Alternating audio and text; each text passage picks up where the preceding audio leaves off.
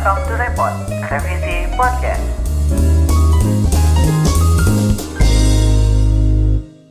Yeay! Akhirnya kita sampai di episode ke-6. Eh, 6 sih? Oh ya kan, Yes. 6. Benar-benar banget. Jadi, episode ke ini kita akan membahas sesuatu yang sangat menakjubkan, teman-teman. Bukan soal hantu, Apakah itu? Bukan soal Aku hantu. sudah tidak sabar. Uh. Jadi mungkin kita bakalan review sedikit ya eh, pembahasan dari episode kelima. Eh, mungkin ada yang mau bercerita, mungkin si Mbak Mbak Babang Ibu dosen mungkin mau bercerita Ya, review ya. kelima dulu. Di kotak-kotak. Si Ibu kotak-kotak. Mm-mm. cerita dikit dong biar teman-teman bisa tahu Cerita episode soal episode lalu ya, bukan Iya. sama kamu sama Iya. Episode 5 kita membahas soal uh, berani mengatakan tidak uh, ketika ada orang-orang yang meminta pertolongan kita, meminta bantuan kita. Jadi di sana kita sharing banyak lah ya bagaimana tips and trick untuk uh, menolak dengan etis ketika ada orang-orang yang minta pertolongan kita tapi di saat yang tidak tepat dan kita punya hal-hal lain yang jadi prioritas. Intinya bahwa eh, apa ya di episode kemarin kita berupaya untuk eh, memperhatikan diri kita sendiri juga. Jadi jangan berupaya menyenangkan orang lain, tapi malah menyusahkan diri sendiri. Itu nggak baik. Jadi bantu selagi bisa, tetapi jangan keseringan bantu nanti orangnya harap gampang. Siap. Mungkin eh, kita ada nyambungnya juga untuk da- dari episode kelima ke episode enam kali ini. Karena kita kali ini gak bakalan membahas skala prioritas. Asik. Bukan prioritas kamu ya nak. Atau mungkin si Jose atau mungkin si Fahmi kita bakalan eh, meminta pengalaman atau eh, skala prioritas apa sih yang teman-teman ini eh selama ini? Selama ini sih maksud saya apa sih?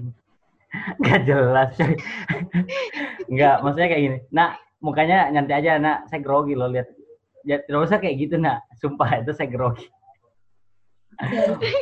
Mungkin eh, kita sudah belajar mengatakan tidak ya untuk episode yang lalu. Secara tidak langsung kita juga belajar bagaimana sih sebenarnya kita menyusul eh, skala prioritas. Karena saya percaya eh, setiap orang punya skala prioritas masing-masing ya pastinya. Tapi kadang juga kita eh, gimana ya untuk mendeskripsikan skala prioritas itu? Eh, mungkin teman-teman eh, skala prioritasnya dari ada standar dari standar sosial masing-masing atau gimana? Mungkin si Jose mungkin bisa bercerita sedikit bukan bercerita sedikit ya bercerita masalah bagaimana sih menyusun skala prioritasnya.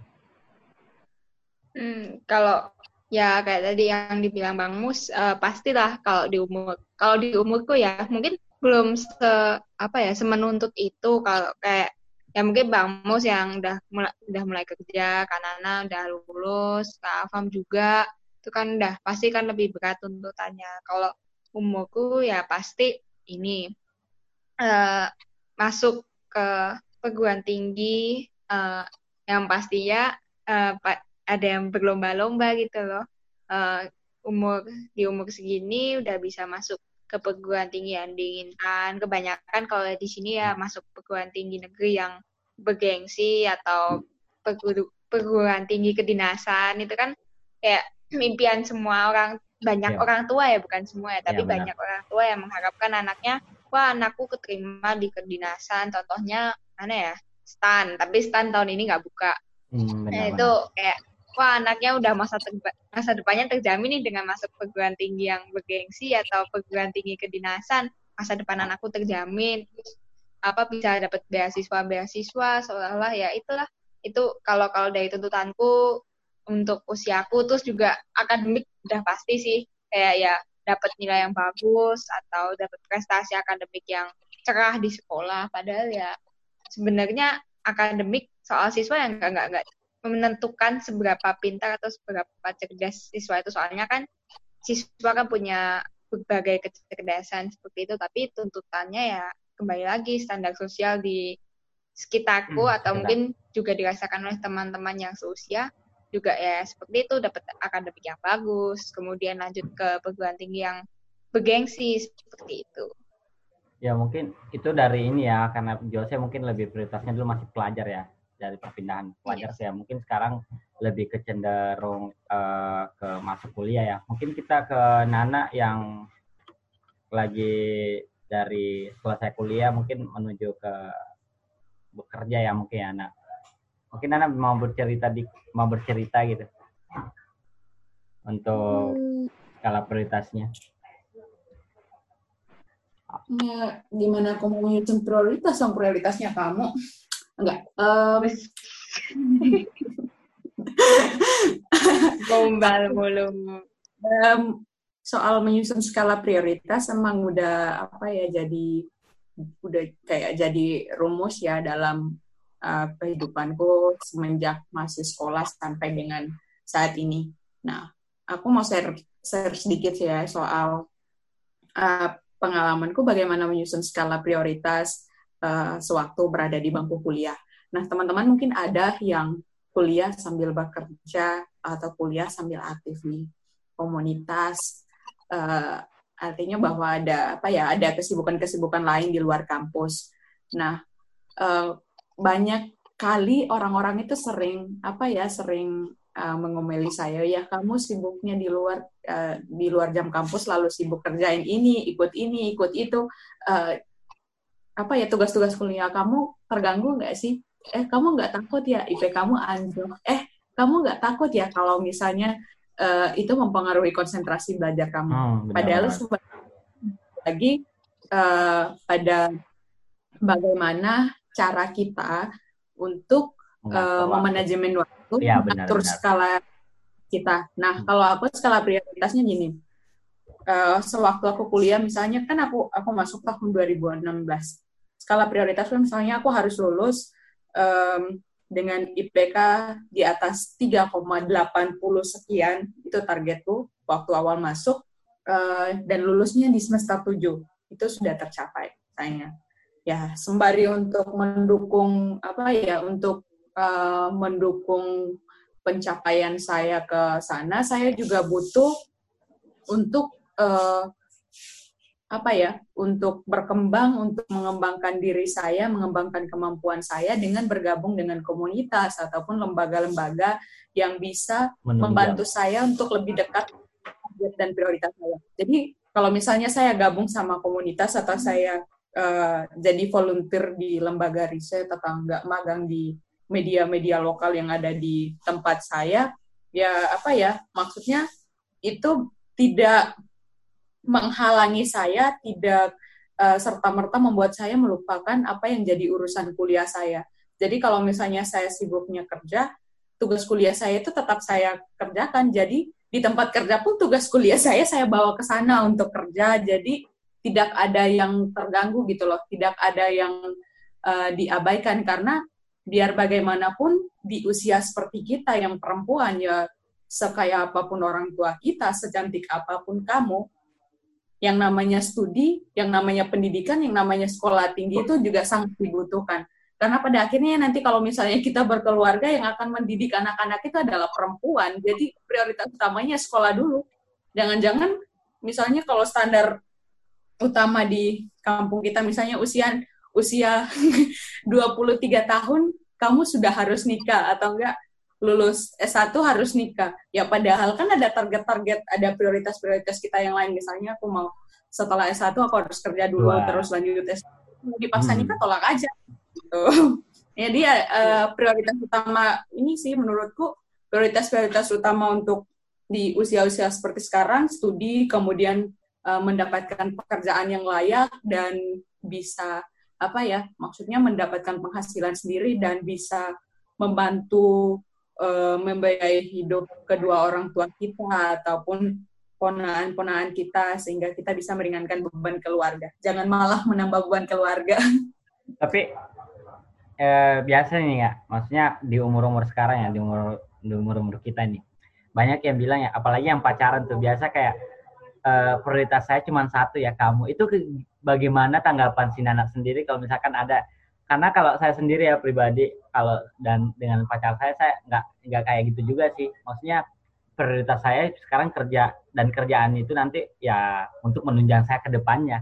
Kalau Nana sendiri kan biasanya kita dengar tuh orang yang pacaran ya karena orang pacaran biasanya kayak kayak uh, ada statementnya dia bilang kayak gini ya prioritas saya cuma satu ya kamu gitu.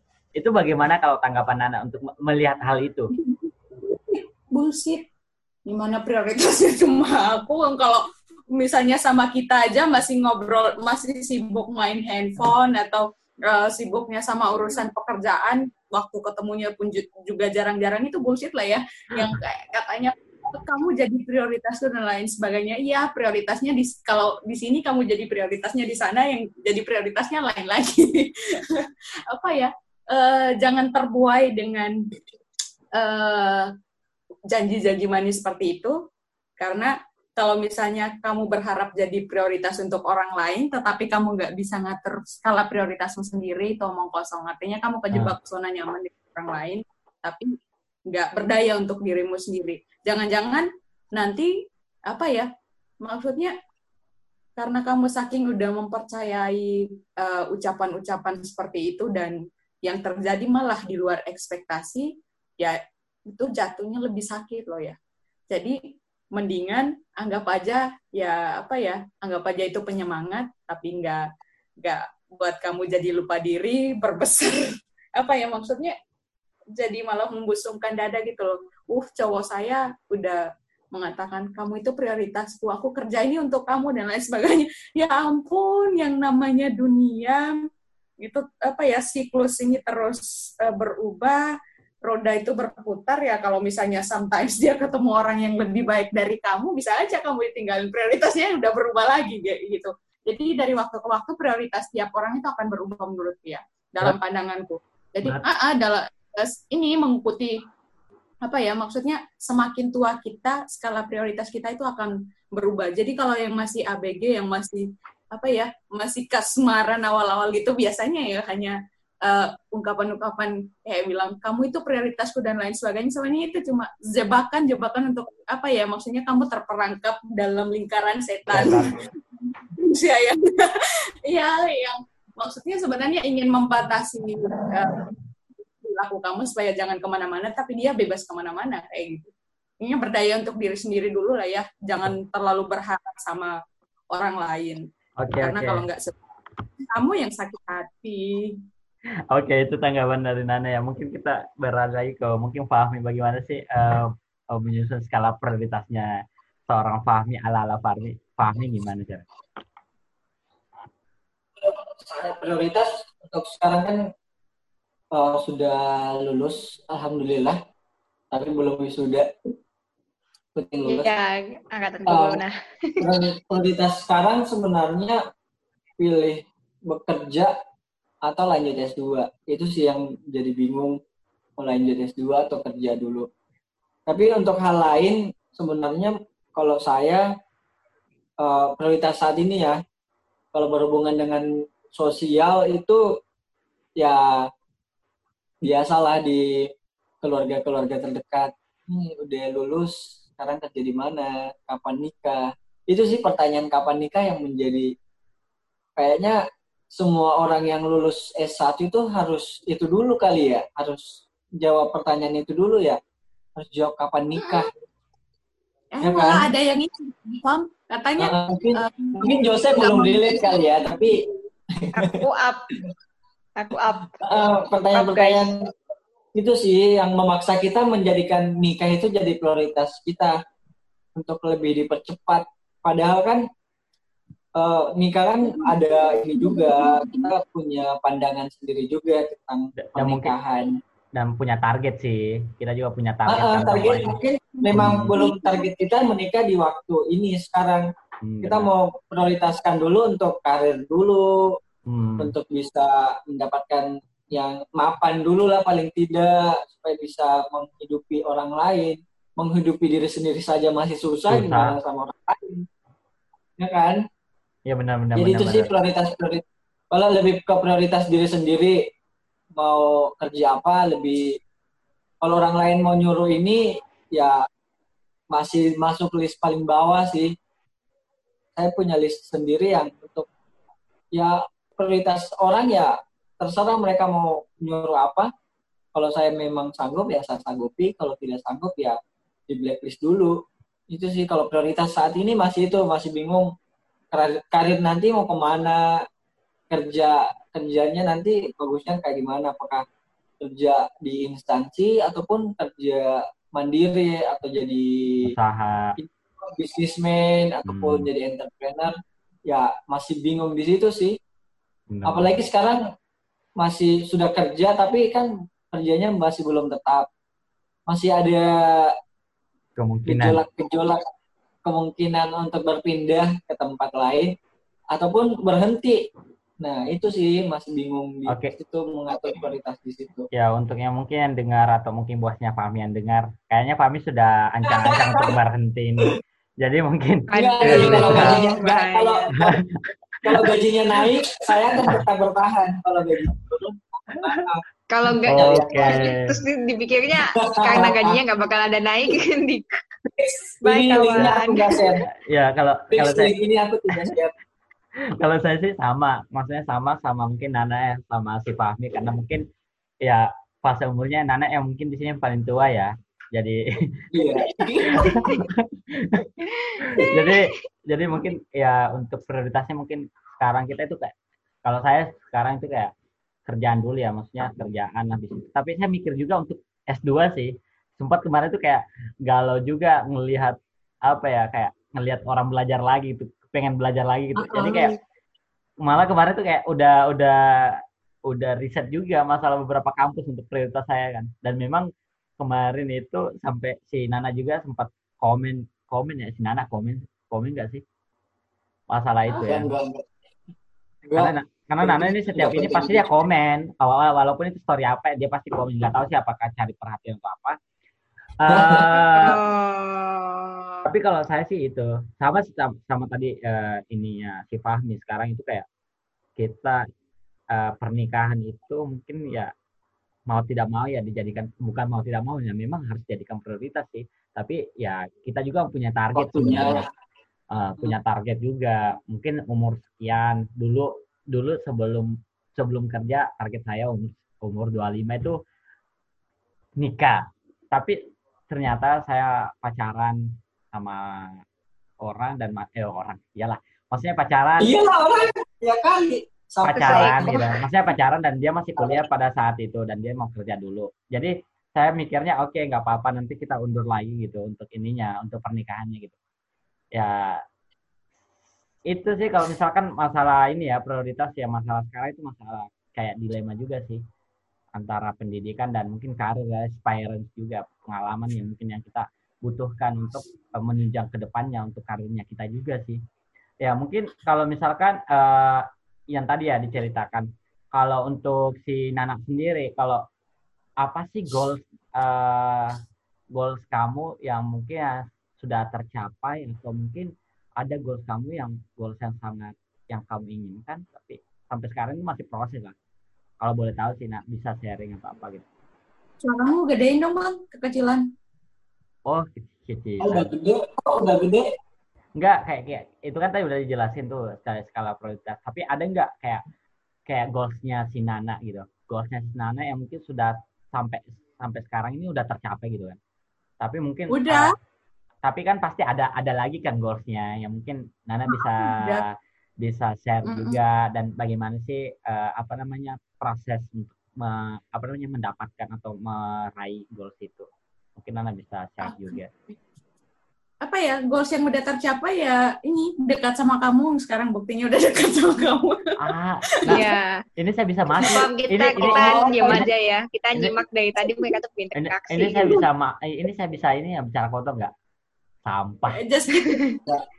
Nggak boleh. Kita nggak boleh ada konten-konten negatif guys. Udah udah tercapai um, maybe kan kalau udah udah dari SD kan udah udah sering ya, peringkat satu ranking satu ya Ih, sampai sombong dia. Jangan Oh, sombong eh, dong. Nggak apa-apa nggak apa-apa. Sombong tapi ada kalau nyata mah nggak apa-apa ya kemarin nggak apa-apa yang Sombong kemarin nggak saya ada buktinya itu. Nggak apa-apa kemarin yang ngajarin itu yang chat itu kan. Sombong nggak apa-apa. Kalau ada yang kalau intinya kalau ada yang "Hmm, ini beli mulutnya gitu. Oke lanjut nah Ah, iya. Sampai apa masuk eh, ke dunia perguruan tinggi pun ya apa ya maksudnya udah ke bawah gitu. Jadi eh, kalau misalnya waktu waktu sekolah waktu di SD sampai SMA kita udah udah bisa punya kapasitas seperti itu, ya semoga ya maksudnya pas masuk di eh, perguruan tinggi kemampuan-kemampuan kita seperti itu jangan menurun, jangan malah memburuk gitu loh. Nanti malah diketawain orang. Nah, eh, syukur puji Tuhan karena eh, berkat eh, apa ya? Maksudnya eh, kebiasaan saya untuk mengatur skala prioritas, memanajemen waktu juga eh, mengurutkan hal-hal yang prioritas yang paling penting apa, yang agak penting, tidak penting dan bahkan sama sekali nggak penting itu yang eh, udah aku petakan. Udah biasa sih maksudnya aku biasa kalau selain nulis di agenda di whiteboard di kosku aku juga sering nulis di ini. Maksudnya aku punya uh, buku diary sendiri jadi aku sering nulis apa yang harus kukerjakan hari ini jam segini sampai jam segini apa yang harus kukerjakan aku harus ke mana ketemu siapa buku apa yang harus aku baca biasanya udah udah aku tulis di buku-buku ini sih maksudnya di agenda pribadi. Ya emang bukan artis sih tapi eh, apa ya maksudnya biar hidup kita jadi jadi lebih teratur gitu. Jangan-jangan waktunya cuma lebih banyak untuk rebahan tapi otaknya nggak diperbarui. Hah? kualitas dirinya nggak ditingkatkan. Nah eh, karena itu aku bisa berhasil eh, apa ya maksudnya lulus dengan IPK yang sangat baik IPK-nya Dan berapa? sesuai- 4,3 ya? Atau berapa sih? Wah. Udah aples ya? Oh. Oke lanjut. terus apa ya em, eh, goals-goals seperti itu. Kemudian em, misalnya aku goalsnya pengen eh, setiap tahun aku harus bisa berkunjung ke luar daerah untuk mengikuti misalnya untuk mengikuti forum-forum yang sekiranya bisa membuat aku lebih lebih dekat dengan impianku ya impian ter- terbesarku ya pengen jadi jurnalis.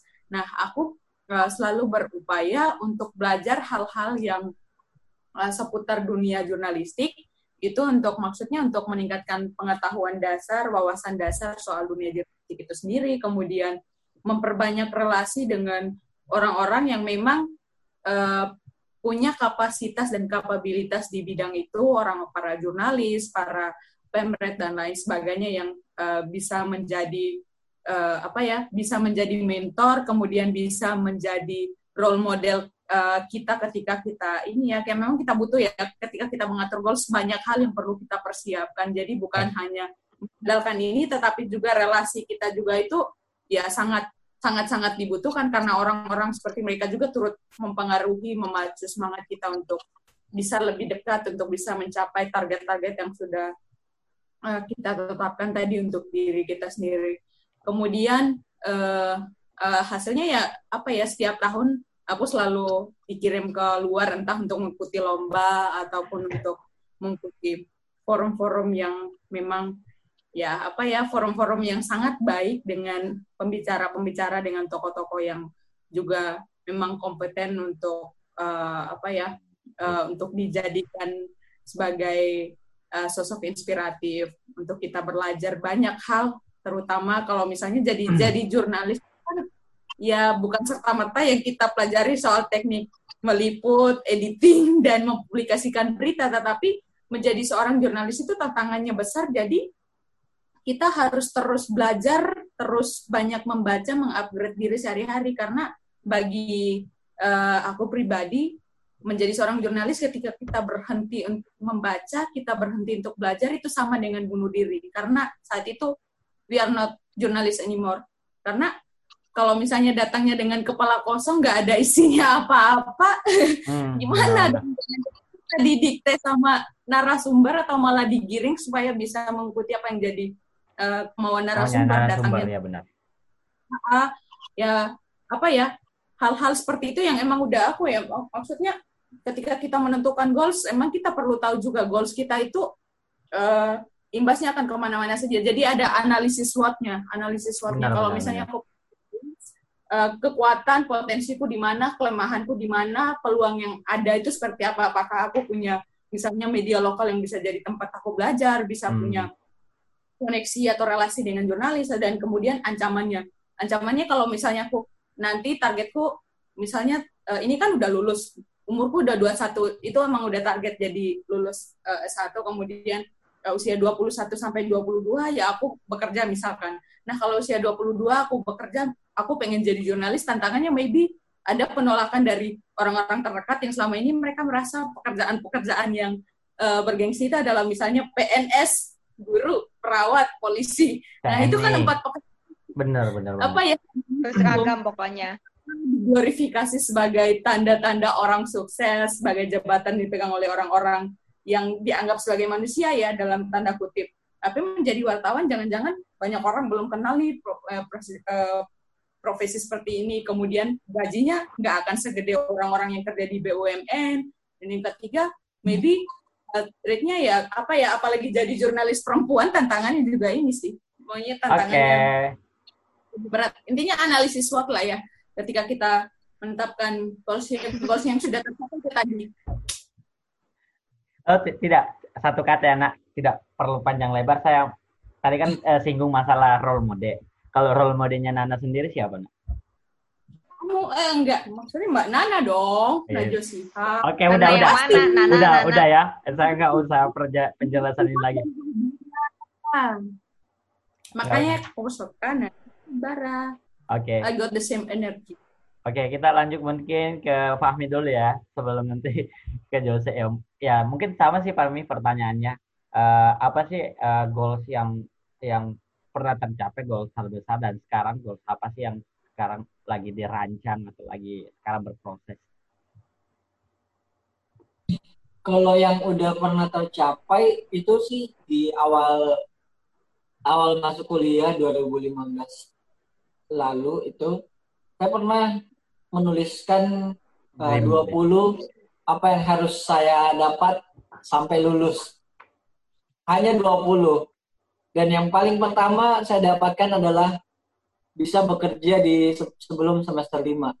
Dan di semester 4 saya mendapatkan job pertama dan saya mulai belajar bekerja di situ dan sebenarnya dengan bekerja juga itu tidak membuat saya bisa lebih baik di kampus karena harus ada yang dikorbankan. Cuman setidaknya itu adalah goals yang tercapai pertama di 20 daftar itu.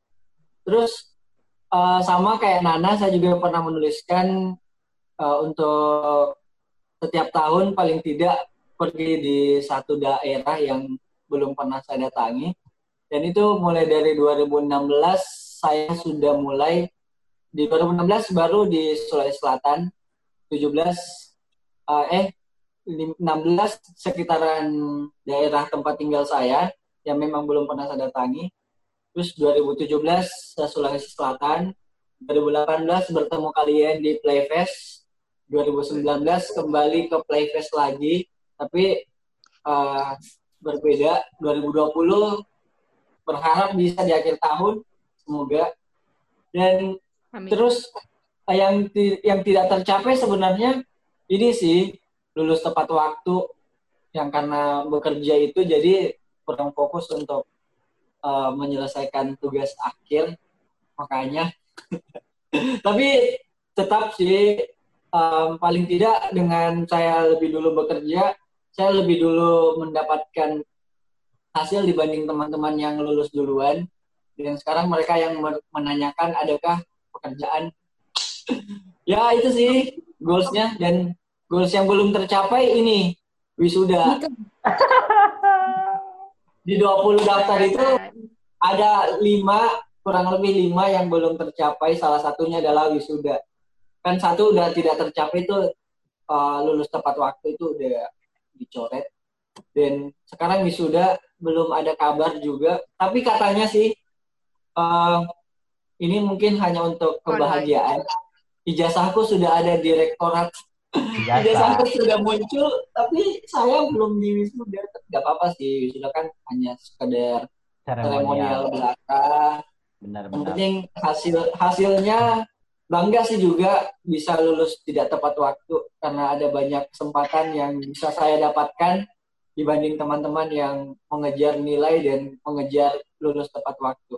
Oke. Maaf ya Nanda, bukannya meremehkan orang yang lulus tepat waktu udah cepat. Enggak, tapi kan kamu lulus cepat, aku lulusnya lama. Oke, mungkin ini ya sebelum ke Jose kita iklan dulu ya, waktunya satu menit. Jadi untuk teman-teman yang mau ini, jadi di sini sebenarnya kita bisa endorse juga Aduh, ya. PA. Siapa tahu ada yang pendengar yang mau produknya di endorse ya bisa juga. Jadi ya mumpung ya si Endorse. Satu em- eh, satu influencer dari NTT, satu influencer dari Solo, satu Makassar. Jadi teman-teman kalian bisa menggunakan ini ketika Dengan ini ya. ada Oke, Oke, Oke guys, Oke, eh, tadi kita sudah mendengarkan beberapa goals ya dari si Nana dan Fahmi. Ya mungkin kita beralih ke Dedek yang paling manis sejagat raya. Aduh. Si Jose. terima kasih. Mungkin Jose bisa cerita dulu Oh, Jose. yang pernah yang per- eh yang yang sudah tercapai dan sekarang goals apa sih yang sekarang yang lagi di berproses. Eh, kalau aku sih eh, ya pasti karena selalu di awal tahun tuh aku selalu bikin goals atau apa ya namanya itu. Ya i- goals sih, goalsnya aku udah kemarin tuh bikin gitu. Eh, misalnya tahun ini selalu harus ada skill baru yang nambah kayak gitu. Atau mungkin skill yang sudah aku punya, ya itu aku kembangin lagi supaya Hmm, lebih menguasai itu Hmm, benar, pasti. Terus sebenarnya eh, apa ya kalau goalsnya tahun ini juga bisa lulus dengan baik terus diterima di perguruan tinggi yang emang aku pengen itu juga puji Tuhan udah tercapai juga. Terus kalau yang belum tercapai sih banyak sih ya ini sih eh, misalnya mau liburan sebenarnya sebelum ini ya se- sebelum corona ini aku kan rencananya mau mau istilahnya refreshing. Istilahnya kan aku salah satu yang aku tulis goalsnya di ini di tahun ini adalah ya lebih banyak waktu bersama diri sendiri terus bisa solo traveling lagi karena tahun lalu kan sempat tuh solo traveling pertama aku tuh terus tahun ini sebenarnya mau solo traveling tapi karena corona jadi nggak mungkin lah ya kayaknya tahun ini untuk solo traveling dan yang pasti eh, rencana aku ya ke depan karena aku mau masuk kuliah, goalsku tentunya berhubungan sama kuliah akademik. Ya kalau meskipun apa anak-anak seusia aku ya pasti goalsnya wah aku bakal ketemu pacar di kuliah atau menjalin hubungan atau apa ya. Tapi kalau aku sih benar-benar fokusku tuh emang ya di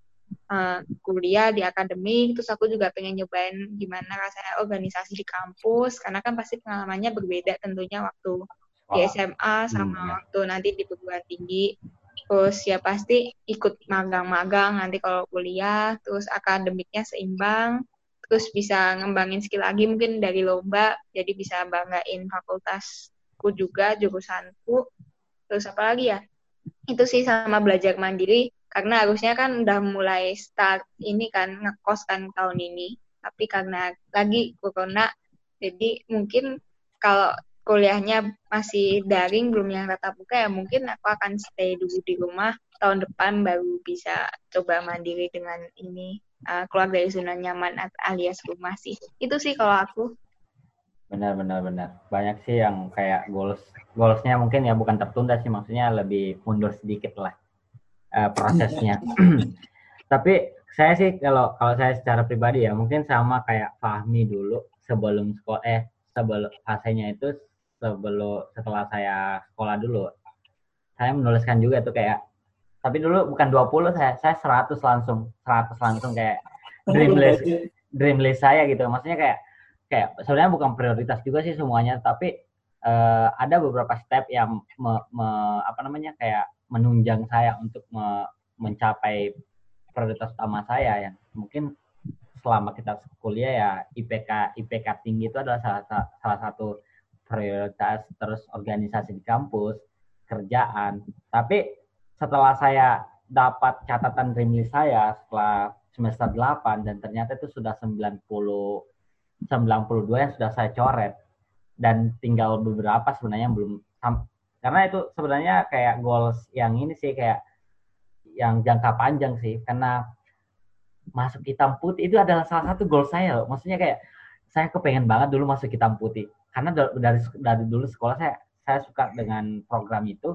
Sampai saya oke okay, saya harus berprestasi saya jadi harus jadi orang inspiratif. Karena masuk di hitam putih itu menurut saya tidak gampang. Tapi pas saya di Makassar ya masuk juga di beberapa TV stasiun TV Makassar tapi uh, mungkin goalsnya belum bukan itu ya. Dan sekarang mungkin bakalan susah karena hitam putih udah nggak ada ya kan?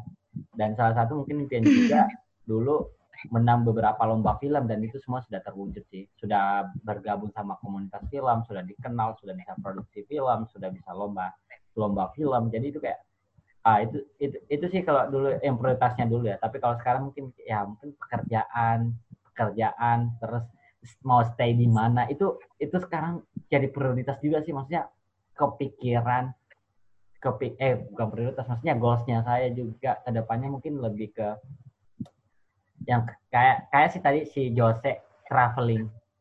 Jujur ya traveling. Karena dulu saya hmm. menghabiskan selama kuliah itu mungkin kerja kerja dengan kuliah. Jadi waktu untuk kayak uh, holiday apa namanya liburan itu kayak kurang.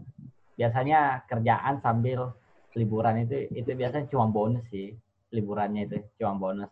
Tapi sebenarnya kan itu kerja gitu. Oke mungkin itu sedikit tapi uh, di luar dari itu pasti ada ada ada ada kalanya kita ada standar sosial sih. Maksudnya standar sosial dan versus keinginan sendiri. Mungkin kalau kami sendiri standar sosial yang apakah Fahmi mengikuti standar sosial atau mungkin keinginan sendiri atau gimana? Kalau saya sih kebanyakan ya kebanyakan saat ini mengikuti keinginan diri sendiri. Karena kalau kita mau memenuhi standar sosial yang ada, ya bisa jadi stres sendiri. Kan salah satu standarnya itu nikah.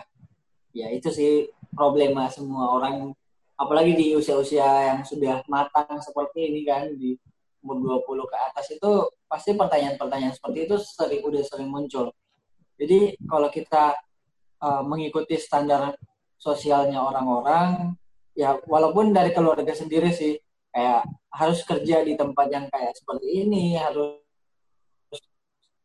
nanti uh, tinggalnya di tempat yang kayak gini.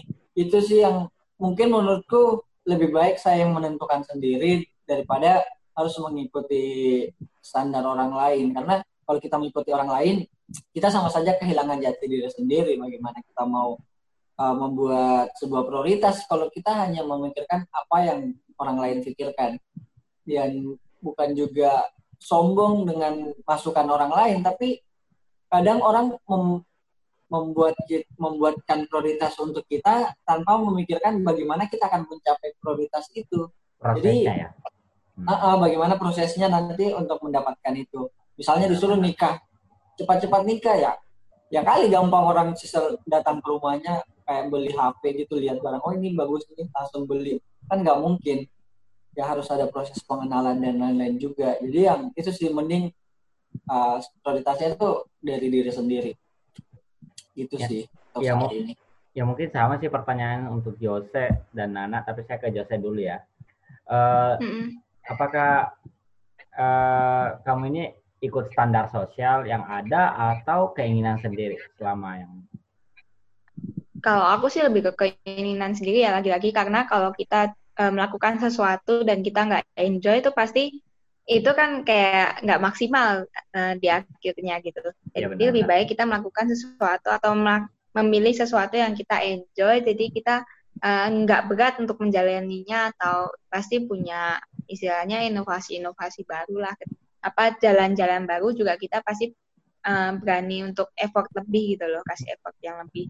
Jadi misalnya kalau aku ambil pengalaman tuh yang kemarin aja ya, karena di SMA tuh jujur prioritasku tuh nggak nggak cuma ke pendidikan bahkan uh, akademisku sedikit aku sampingkan ketimbang waktu aku masih SMP yang di mana aku SMP itu benar-benar kerja banget akademis.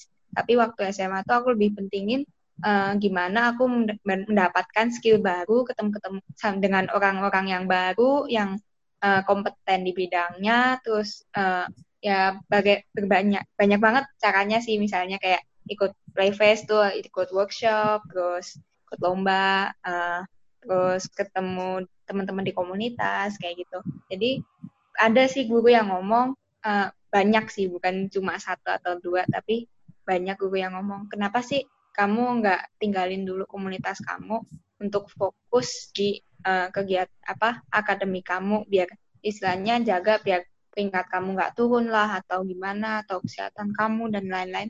Jadi sekali lagi aku mencoba untuk menentang itu karena ya sekali lagi aku tahu uh, dengar dari pengalaman teman-teman bahwa yang dibutuhkan nanti nggak cuma nilai akademik tapi dibutuhkan skill-skill yang lain juga yang di mana itu cuma bisa didapat ketika aku ikut organisasi, ikut uh, lomba, dari situ kan dapat pengalaman banyak kayak gitu. Jadi ya udah aku akhirnya memilih untuk uh, kejar prioritas aku yaitu dapat skill itu tadi, dapat banyak banget pengalaman ya meskipun ya sambil jaga-jaga sih dengan akademik ya itu sih tetap aku pilih untuk uh, skala prioritasku sendiri daripada standar sosial yang ada itu. Oke, wow. Ternyata si Joseph ini ya lebih ke sekolahnya ya tadi ceritanya lebih kayak ini sih mungkin si Nana yang mukanya udah mulai sumpuk ya mungkin karena mungkin ya sakit. Oh kepalanya lagi puyeng sakit hati. Bukan oke Nana mungkin lah bisa nak. Uh, apakah Nana? Ya sama sih pertanyaannya. Apakah ikut standar sosial atau keinginan sendiri? Tapi udah tahu sih jawabannya. Ya pernah aku bernafas dengan hidungku sendiri, ngapain aku harus jadi kerbau ini cocok hidung? Anjay. Pukul. Pukul. lengannya kurang naik. Aku tepuk sebelah tangan. Loh ya. Aku punya mata sendiri, punya tangan sendiri, ngapain sih aku harus punya kepala sendiri untuk aku berpikir, nentuin punya hati nurani sendiri untuk kemudian uh, apa ya memikirkan apa yang menjadi kepentingan terbaik. ngapain harus ikut apa yang jadi standar kebanyakan orang. Ada nih yang sering misalnya uh, tipikal-tipikal kayak aku kan yang gayanya emang kayak segini, yang modelnya emang kayak gini, nggak nggak seperti kebanyakan cewek yang femininnya aduhai. Banyak tuh yang sering ngatain, eh kamu ini udah sarjana, coba dong sekali pakai rok, coba dong sering pakai gaun, coba dong sering pakai high heels. Ya apa ya? Kadang-kadang hal-hal seperti itu yang bikin juga ketika ya seolah-olah standar kecantikan, standar kualitas seorang perempuan cuma terlihat dari itu loh. Maksudnya ini kamu harus udah harus belajar pakai ini pakai ini dan lain sebagainya. Jangan-jangan nanti kamu nikahnya pakai jeans. Ya suka-suka gue dong mau nikahnya pakai jeans. Nikah pakai jeans. Bagus. Boleh dicoba. Bagus tuh pakai jeans. Kan?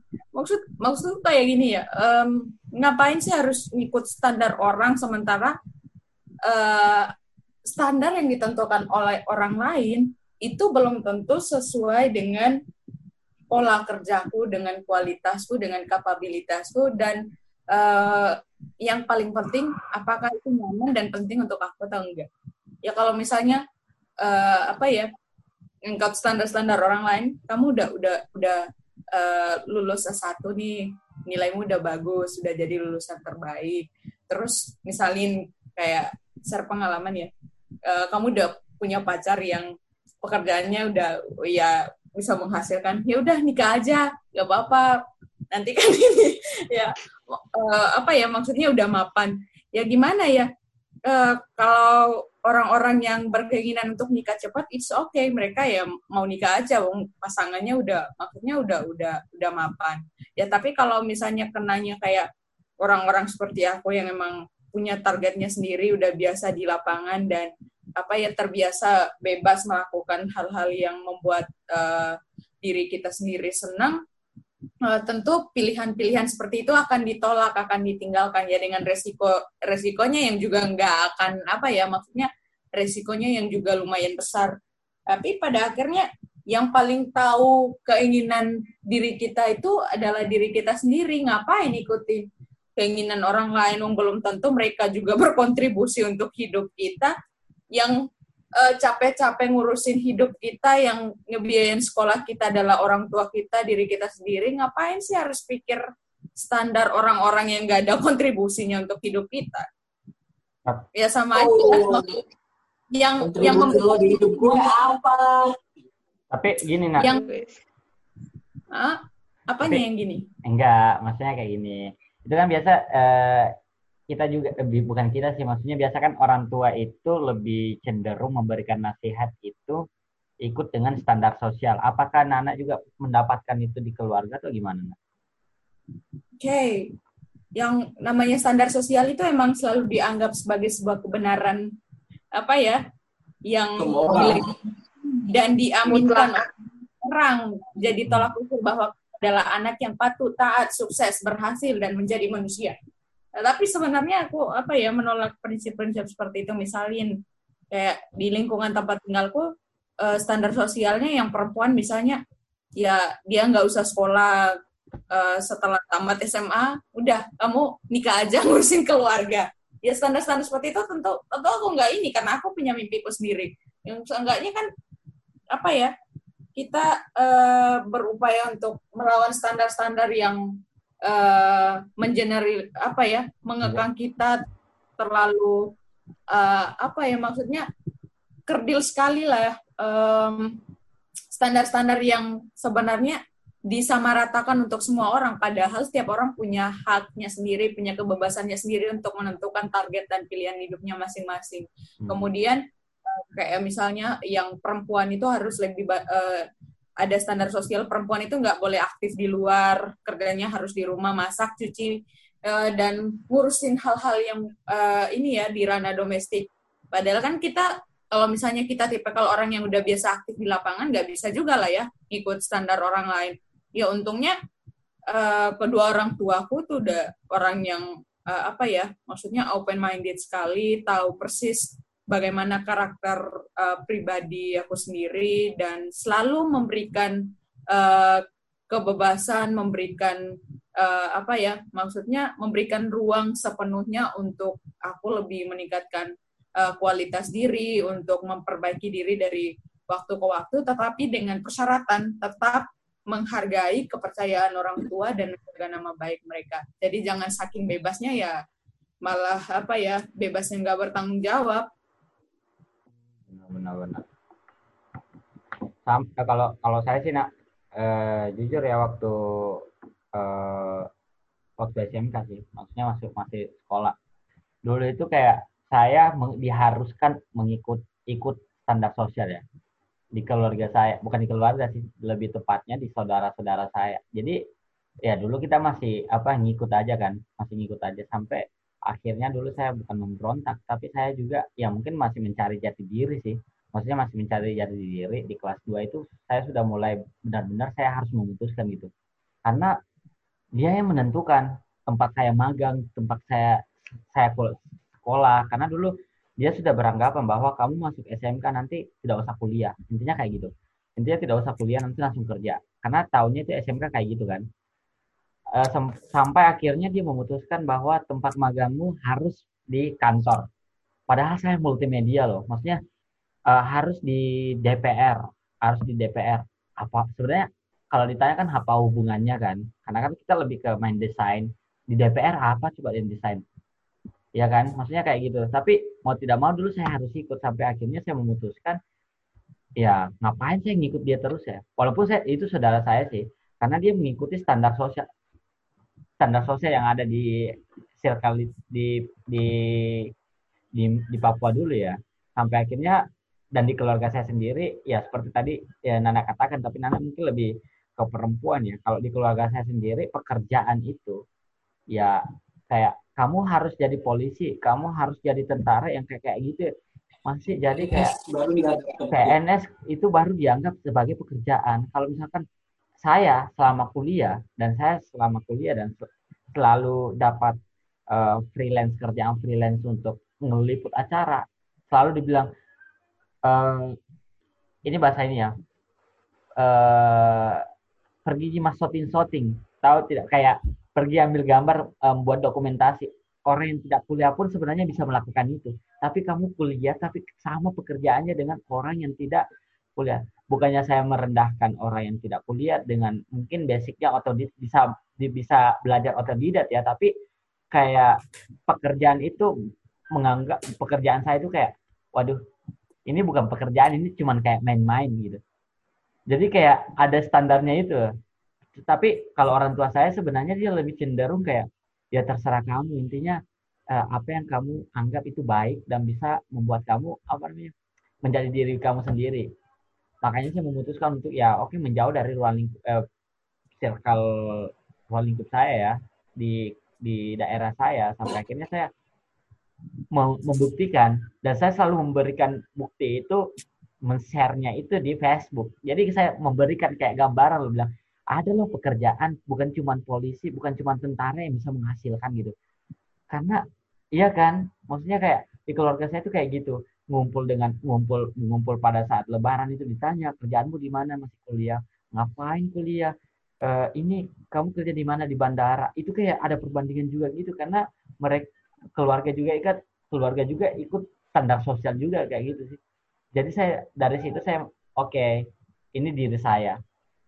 Orang tua saya mengerti apa yang saya mau gitu. Oke okay, dari situ saya mulai ini sih mulai ikut dengan diri saya sendiri. Walaupun dulu kita harus standar ikut standar sosial karena mungkin keluarga dan dulu kita belum tahu apa-apa kan. Tapi hmm. e, berjalannya waktu ya kita tahu dengan sendirinya.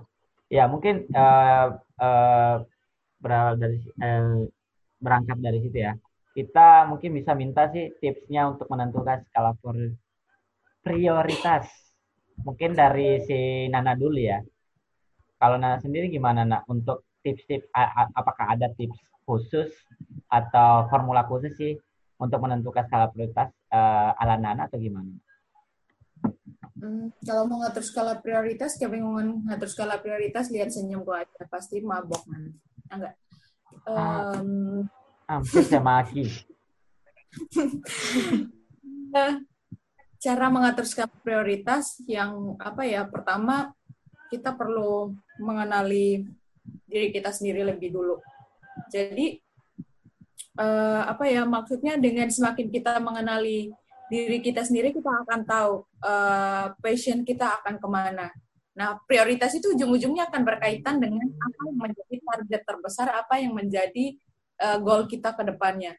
Jadi, um, menurut saya cara-cara mengatur uh, prioritas, yang pertama kalau misalnya kita udah tahu minat dan bakat kita, kalaupun kita masih kesulitan untuk uh, mengetahui di mana, uh, apa ya, maksudnya di mana potensi kita yang sebenarnya uh, passion kita yang sebenarnya belajarlah untuk mencoba banyak hal.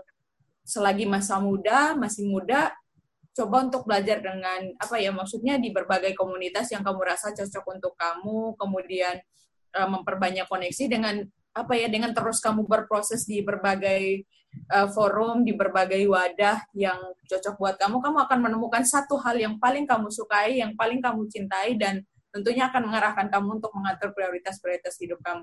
Kayak aku kan misalnya dulu waktu SD masih hobinya ya apa ya ikut pramuka, ikut OSIS, uh, ikut forum anak. Tetapi makin ke sini makin ke sini terus belajar jurnalistik, makin ke sini aku malah misalnya oh aku rasa ya aku cocoknya belajar jurnalistik. Jadi kemudian mengarahkan uh, aku untuk misalnya belajar lebih jauh soal jurnalistik itu yang menjadi target-target terbesar kita. Caranya bagaimana untuk mengatur prioritas kita untuk bisa uh, apa ya maksudnya uh, bisa memanajemen diri untuk mengatur waktu kita biar apa yang menjadi target kita tercapai. Seperti yang teman-teman sudah sampaikan tadi ada yang sering buat list. Misalnya resolusi setiap tahunnya apa yang harus dicapai apa yang uh, apa yang harus kita uh, dapatkan.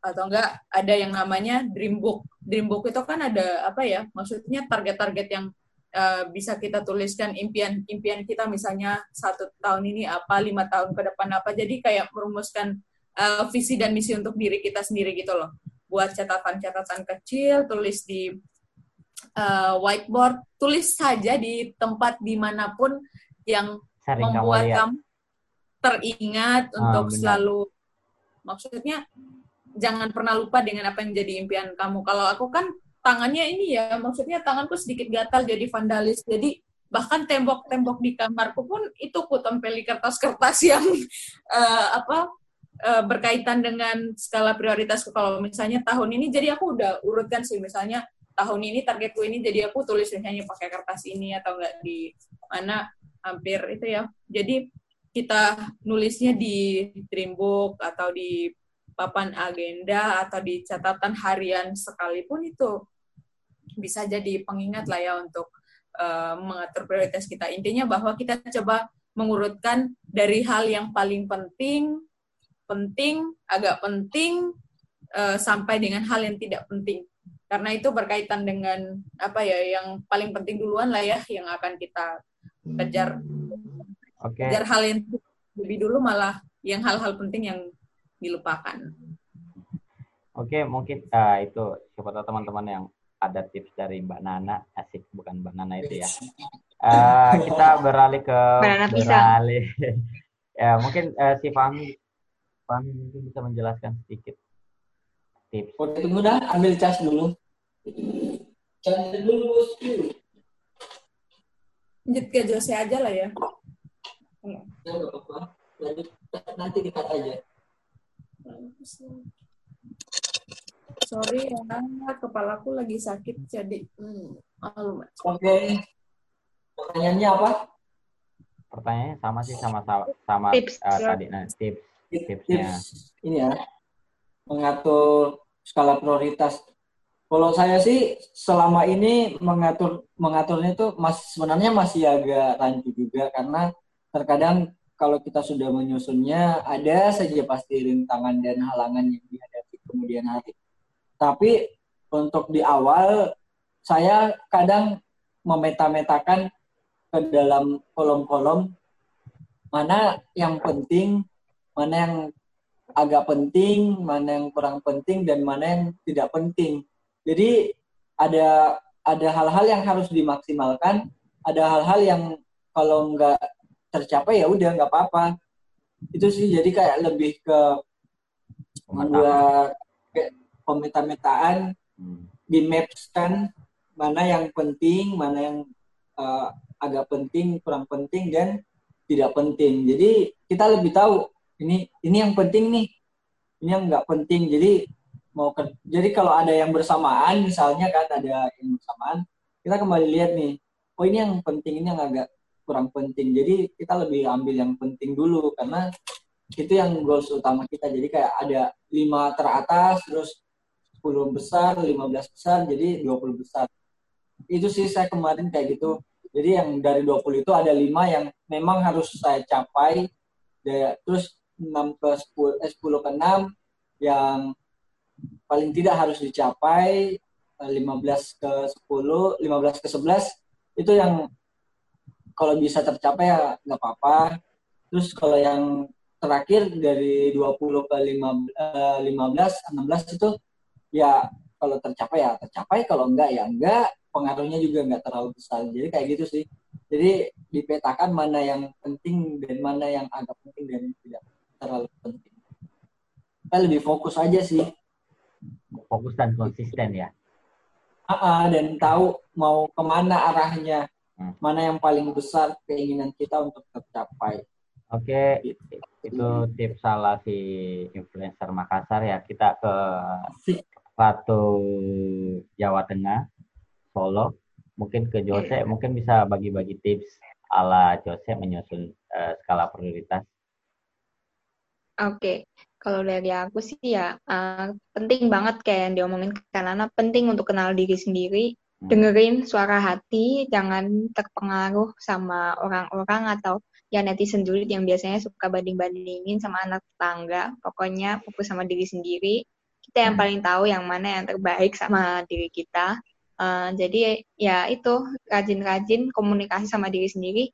Mana sih yang aku suka, mana sih yang kira-kira paling berdampak besar dan paling bisa aku lakukan sekarang. Karena kan pasti ada hal-hal yang berdampak besar tapi mungkin kita perlu bantuan orang lain atau perlu proses untuk meraihnya. Ada yang bisa kita lakukan dengan cepat dengan segera atau ya istilahnya lebih mendesak yang bisa kita lakukan dengan effort kita sendiri yaitu yang kita perjuangkan terlebih dahulu gitu. Jadi yang terdekat dari skala waktu dari skala dampaknya dari bantuan seberapa banyak bantuan dari eksternal dari faktor-faktor eksternal itu kayak mungkin nggak dicapai dalam waktu dekat atau perlu untuk prosesnya itu tadi. Ya itu sih paling kenal-kenal sama diri sendiri, nggak usah dengerin lah kata-kata netizen julid. Pokoknya fokus sama diri kamu sendiri, yang mana yang kamu enjoy, itu yang kamu jalanin. Itu sih. Ya benar. Sebenarnya sudah dirangkum semua sih sama Nana, Fahmi dan Yose. Sama sih sama eh, teman-teman juga eh, ya mengenal diri sendiri sih juga. Itu adalah salah satu bagaimana kita bagaimana kita bisa menyusun ya skala prioritas kita yang eh, apa namanya kayak, Nana tadi kan eh, menulis di Dreambook kalau saya sih sebenarnya biasanya book eh, di dream dream list saya sih jadi saya buat di dinding di dinding yang yang sering saya lihat. Jadi biasanya kalau misalkan saya tidak nulis saya saya saya print gambar gitu. Print gambar jadi saya mau kayak gini. Intinya dalam waktu sekian saya harus kayak gini gitu. Jadi jadi setiap hari itu ada ada kayak motivasi ada ada ada kayak eh, apa ya ada kayak eh, apa sih namanya? Ada kayak memang motivasi setiap hari karena mungkin ya karena sering dilihat karena saya percaya sih kayak gitu. Karena sekarang itu kayak saya mau mulai lagi membuat eh, kayak dream list lagi. Dan semoga bisa konsisten dan fokus ya. Makanya kalau saya sendiri sih ya mengenali diri sendiri sih. Mengenali diri sendiri menyusun menyusun SWOT-nya kita apa kekuatan kita kelemahannya kita apa apa ancaman kita. Sebenarnya kita harus juga kita harus tahu itu juga sih untuk eh, untuk, untuk diri di- diri kita sendiri gitu. Oke mungkin closing statement mungkin ya. Mungkin ada beberapa atau mungkin ada yang mau ini si Nana atau si Jose beberapa kata yang mungkin. Eh tunggu sebelum ini ya. Tadi kan sudah ini sedikit dikit kalau Nana kan tadi udah tahu nih ya kalau modelnya siapa. Kalau si Jose sama si Fahmi nama aja ya biar siapa tahu teman-teman yang bisa tahu juga sih role modelnya siapa gitu kalau Nana siapa nak Kamu, mau nggak? Mbak Najwa dong. kemut nak eh Jos kemut kemute Oke, maaf. Eh, Oke. Tadi siapa dulu? Siapa dulu? Nah, eh, Jose, Jose dulu. dulu Jose yang paling muda. Oke. abis Oke, kalau aku sih sebenarnya sama sih kayak kanan kak ini karena eh tetap Mbak Najwa Siap tuh salah satu yang apa goalsku terus sebenarnya goalsku nggak cuma apa ini role modelku nggak cuma satu sih. Banyak banget yang aku temui yang bisa jadi role modelku karena yaitu semakin ketemu banyak orang saya semakin lihat wah ini menginspirasiku untuk Oke, apa mencapai goalsku gitu oke. Sama aku juga, modelku ju- bukan cuma Mbak Nana, ada Bang Zen RS juga dong. Oke, udah ya, udah, udah, udah. Nanti panjang lagi. Oke, Fahmi siapa Kak, Kak. Fahmi? Kak Fahmi Kalau aku sih em, mereka kan perempuan, saya juga role modelnya sebenarnya di perempuan ya. Banana juga ya. Aduh. Bukan dong, Eh, bukan. bukan. Salah satu orang yang juga dikagumi oleh pria-pria di Indonesia ya. Dian Mau, mau di Ayunda sih. Oh, Itu saat tebak. Kenapa? aku respect banget sama dia. Sumpah. Ya dia kan, itu mau di Ayunda keren banget. panutan banget itu. Nggak usah lama-lama ya.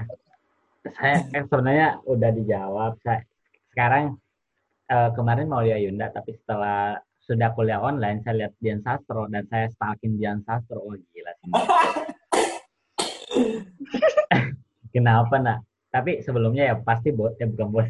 Maksudnya Mbak Nana kan. Mbak Nana adalah salah satu role model saya yang betul-betul awalnya saya memulai untuk mengenal buku, buku yang saya cintai, asik, cintai, coy.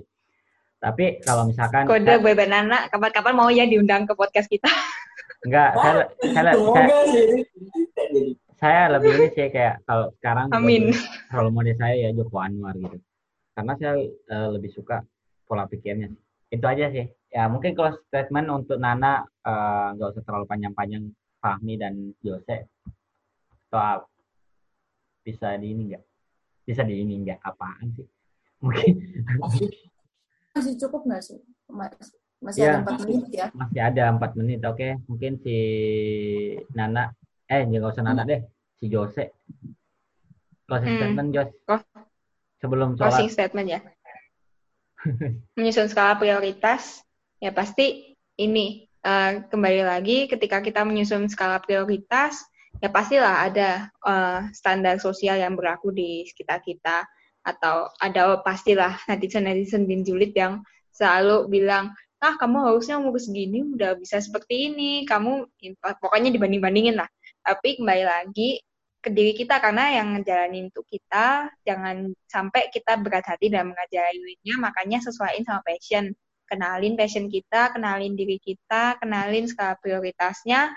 Sering sering ketemu orang-orang atau lingkaran yang bermanfaat jadi dari situ kita bisa mengembangkan apa yang kita mau dan di situlah kita bisa mengenali yang mana yang kita dahulukan atau menyusun skala prioritas dan goals kita.